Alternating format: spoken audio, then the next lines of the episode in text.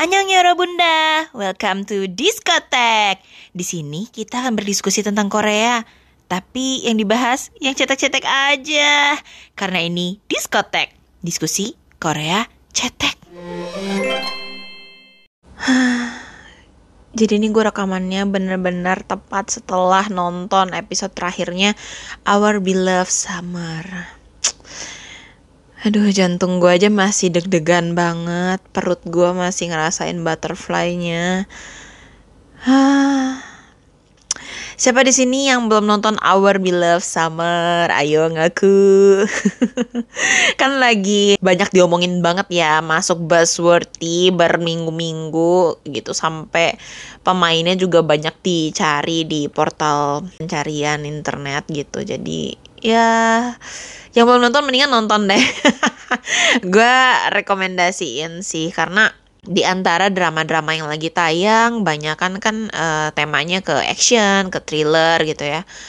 Ini tiba-tiba ada muncul romcom yang ceritanya ternyata warm banget gitu hangat banget di hati. Itu kayak Hah gitu. Di sini gue mau uh, mereview dramanya karena udah beres ya. Jadi yang belum nonton nih silahkan nonton dulu habis itu balik lagi karena pasti banyak spoiler parah.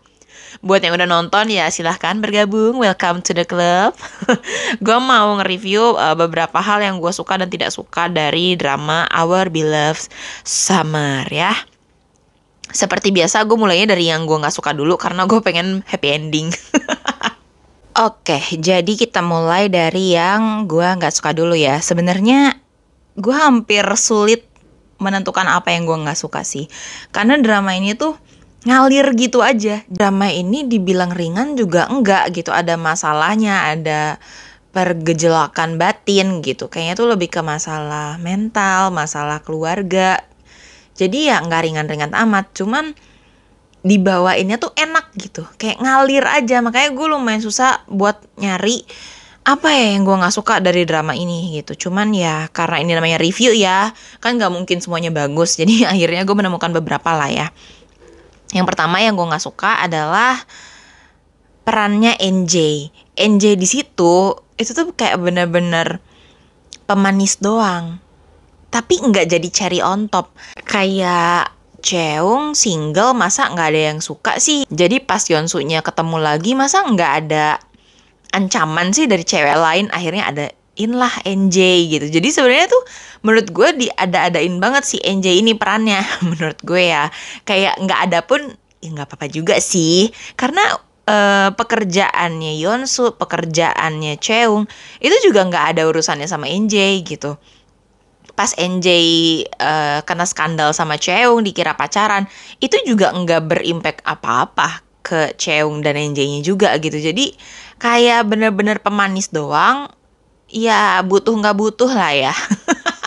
Terus abis itu gue kurang suka sama Uri Set Boy Kim Ji Young bukan nggak suka sama perannya ya tapi gue tuh kurang suka sama ceritanya sih.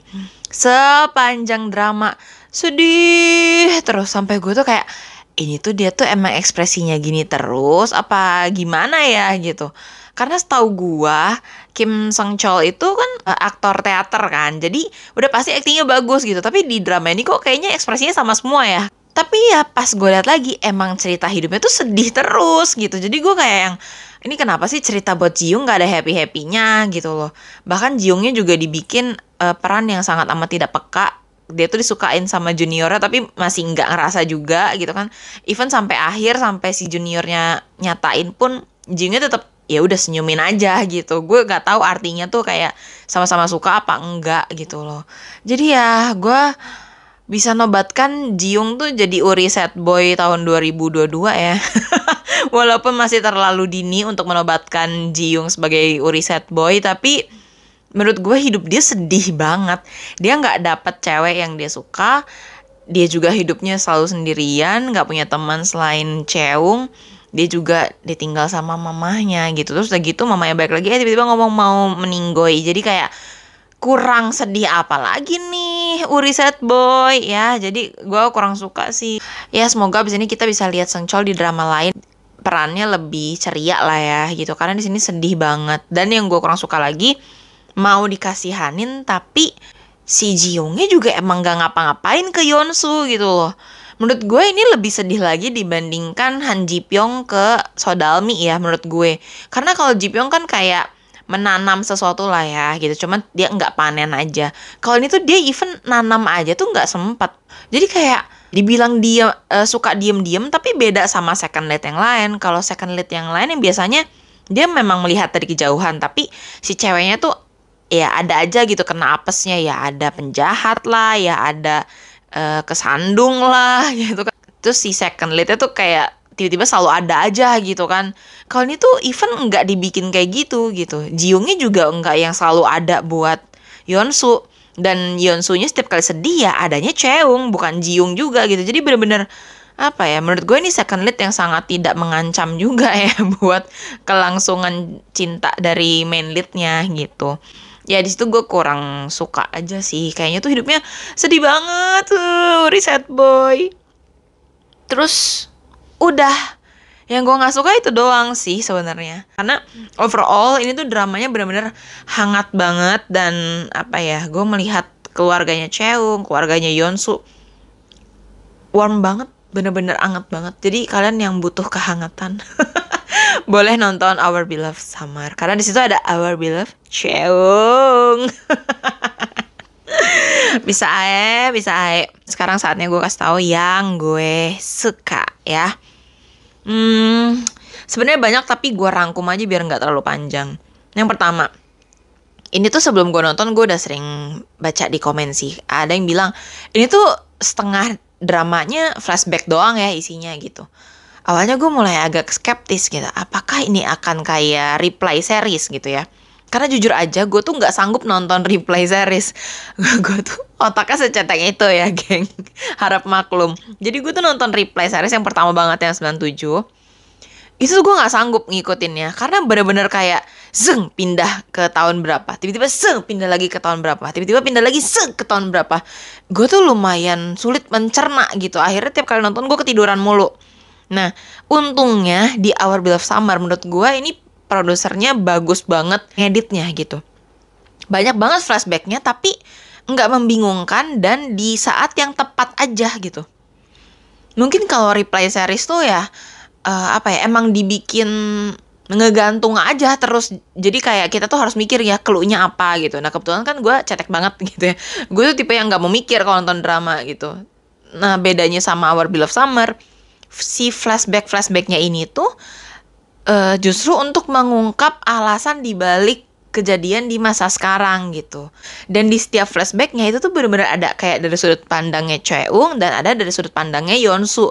Jadi bener-bener terjawab semua gitu. Si penonton tuh nggak dibikin uh, apa ya penasaran yang terlalu berlebihan, nggak sampai deg-degan, nggak sampai nggak bisa tidur gitu, nggak sampai kayak gitu gitu. Jadi gue suka banget sama uh, editannya ya. Dan bener-bener sinematografinya tuh bagus banget.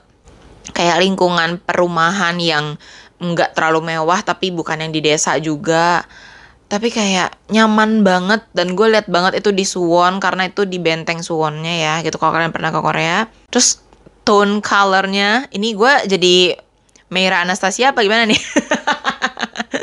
Ya kayak tone-nya tuh enak banget gitu. Enak banget. Nggak yang terlalu terang nyakitin mata tapi nggak terlalu gelap sampai nuansanya dark gitu loh. Jadi makanya menurut gue ini tone-nya aja warm gitu. Menurut gue ini benar-benar apa ya warming drama banget gitu. Terus yang kedua gue suka banget karena nggak ada yang jahat di sini. Nggak ada villain di sini. Nggak ada pelakor di sini. Jadi apa ya semuanya baik gitu loh. Walaupun ya ada persaingan ya kayak si ini suka ini ini suka ini. Tapi benar-benar nggak ada yang saling ngejatohin. Nggak ada yang minta dilempar sendal lah ya intinya. Jadi damai banget nontonnya senang-senang aja. Bahkan NJ pun uh, yang gue pikir bakal nyebelin gitu ya tapi ternyata enggak gitu. Jadi ya bener-bener warm banget di sini tuh. Bahkan hubungan Yonsu sama teman-teman kantornya Jiung sama teman-teman kantornya itu juga warm banget jadi ya entah kalian itu lah ya ada berapa kali gue nyebut kata warm buat review drama ini nih warm banget sih menurut gue terus Tentunya kesuksesan drama ini tidak luput dari kehebatan para aktornya. Tepuk tangan dulu yuk.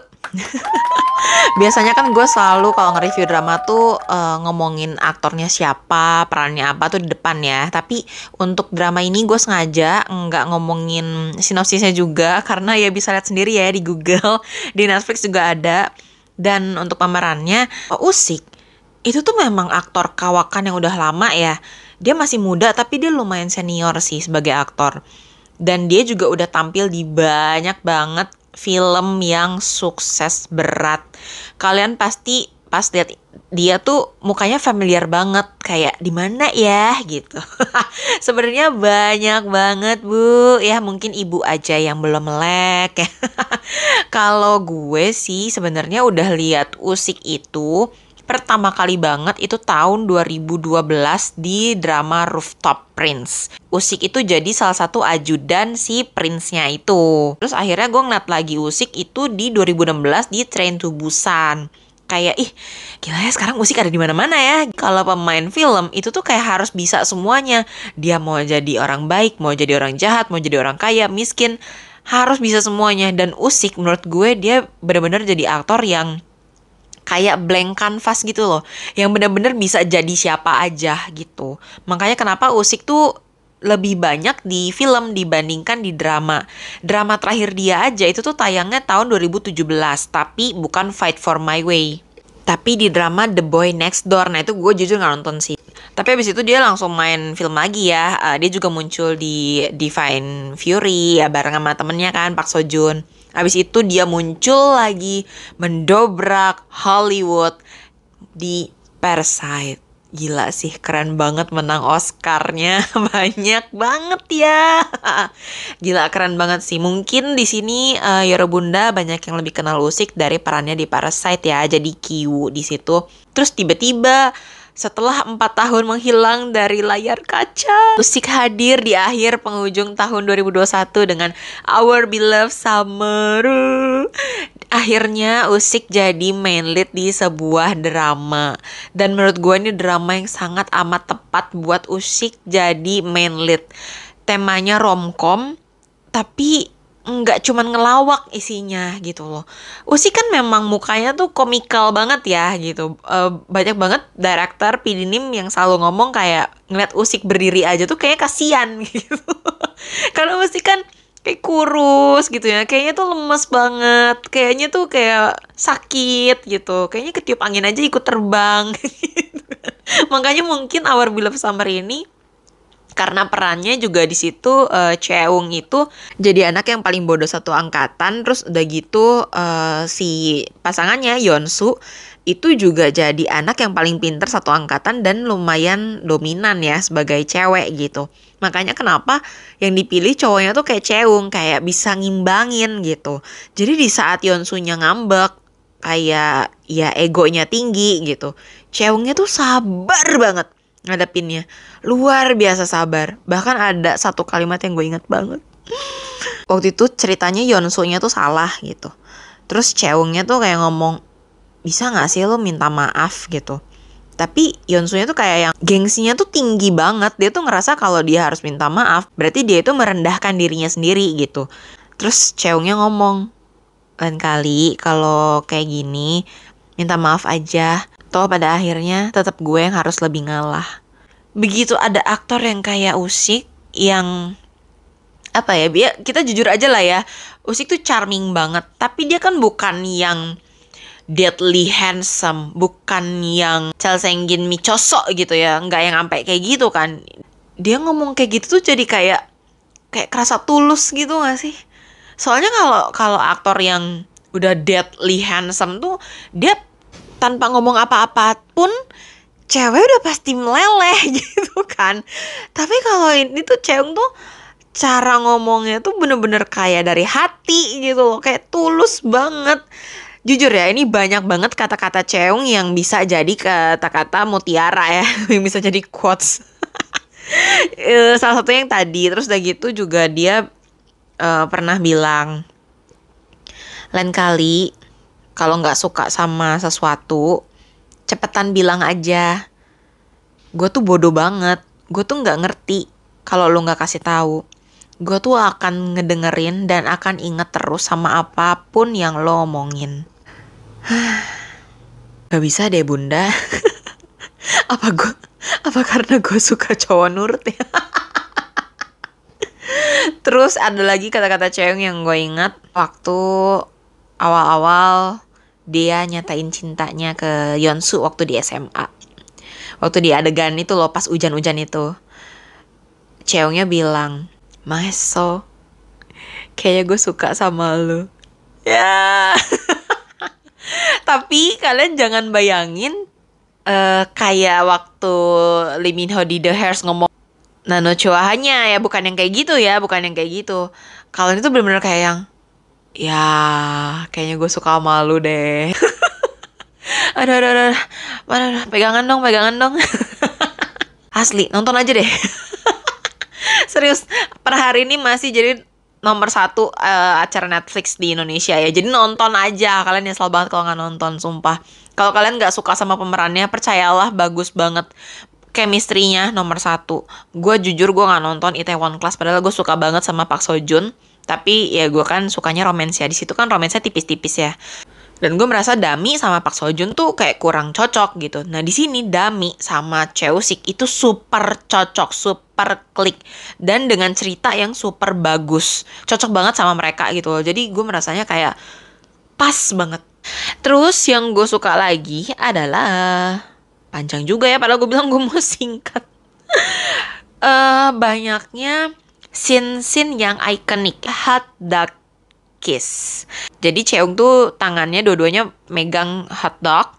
Terus pas itu si Yonsunya nyium duluan. Terus Cheungnya pengen balas cium kan. Tapi karena hot dognya ada dua tangan, dia nggak bisa narik Yonsu gitu. Akhirnya dia bilang kayak boleh pegangin nggak satu ke Yonsunya terus Yonsunya kayak sirah gitu. Terus akhirnya ya udah ya udah. Akhirnya pakai satu tangan dipegangan terus ditarik Yonsunya terus kissing scene. Gue suka nih drama-drama yang berusaha bikin iconic scene kayak gini tuh gue suka. Karena bener-bener unexpected terus jatuhnya tuh jadi gemes banget. Dan itu bakal terkenang sepanjang masa. Amin. Dan ada juga sih adegan-adegan klise yang kayak lihat ke belakang deh yang kayak gitu dan itu terjadi dua kali tapi apa ya caranya nggak klise gitu loh karena sesuai dengan karakternya Cheung di situ Ung tuh kayak minta izin dulu. Tata lu bukannya berarti nggak suka kalau gua anterin pulang. Enggak. Nah di situ baru Ungnya kayak ya udah ngadep belakang deh. Gitu. Jadi gumus. Gue tuh baru nonton drama ini hari Minggu, terus ini hari Selasa udah selesai. Jadi kayak super ngebut. Cheung tuh kayak datang dalam hidup gue bener-bener kayak petir kayak set tiba-tiba selesai jadi nggak tahu besok mungkin gue nonton ulang lagi apa gimana ya karena tiba-tiba hati gue kosong banget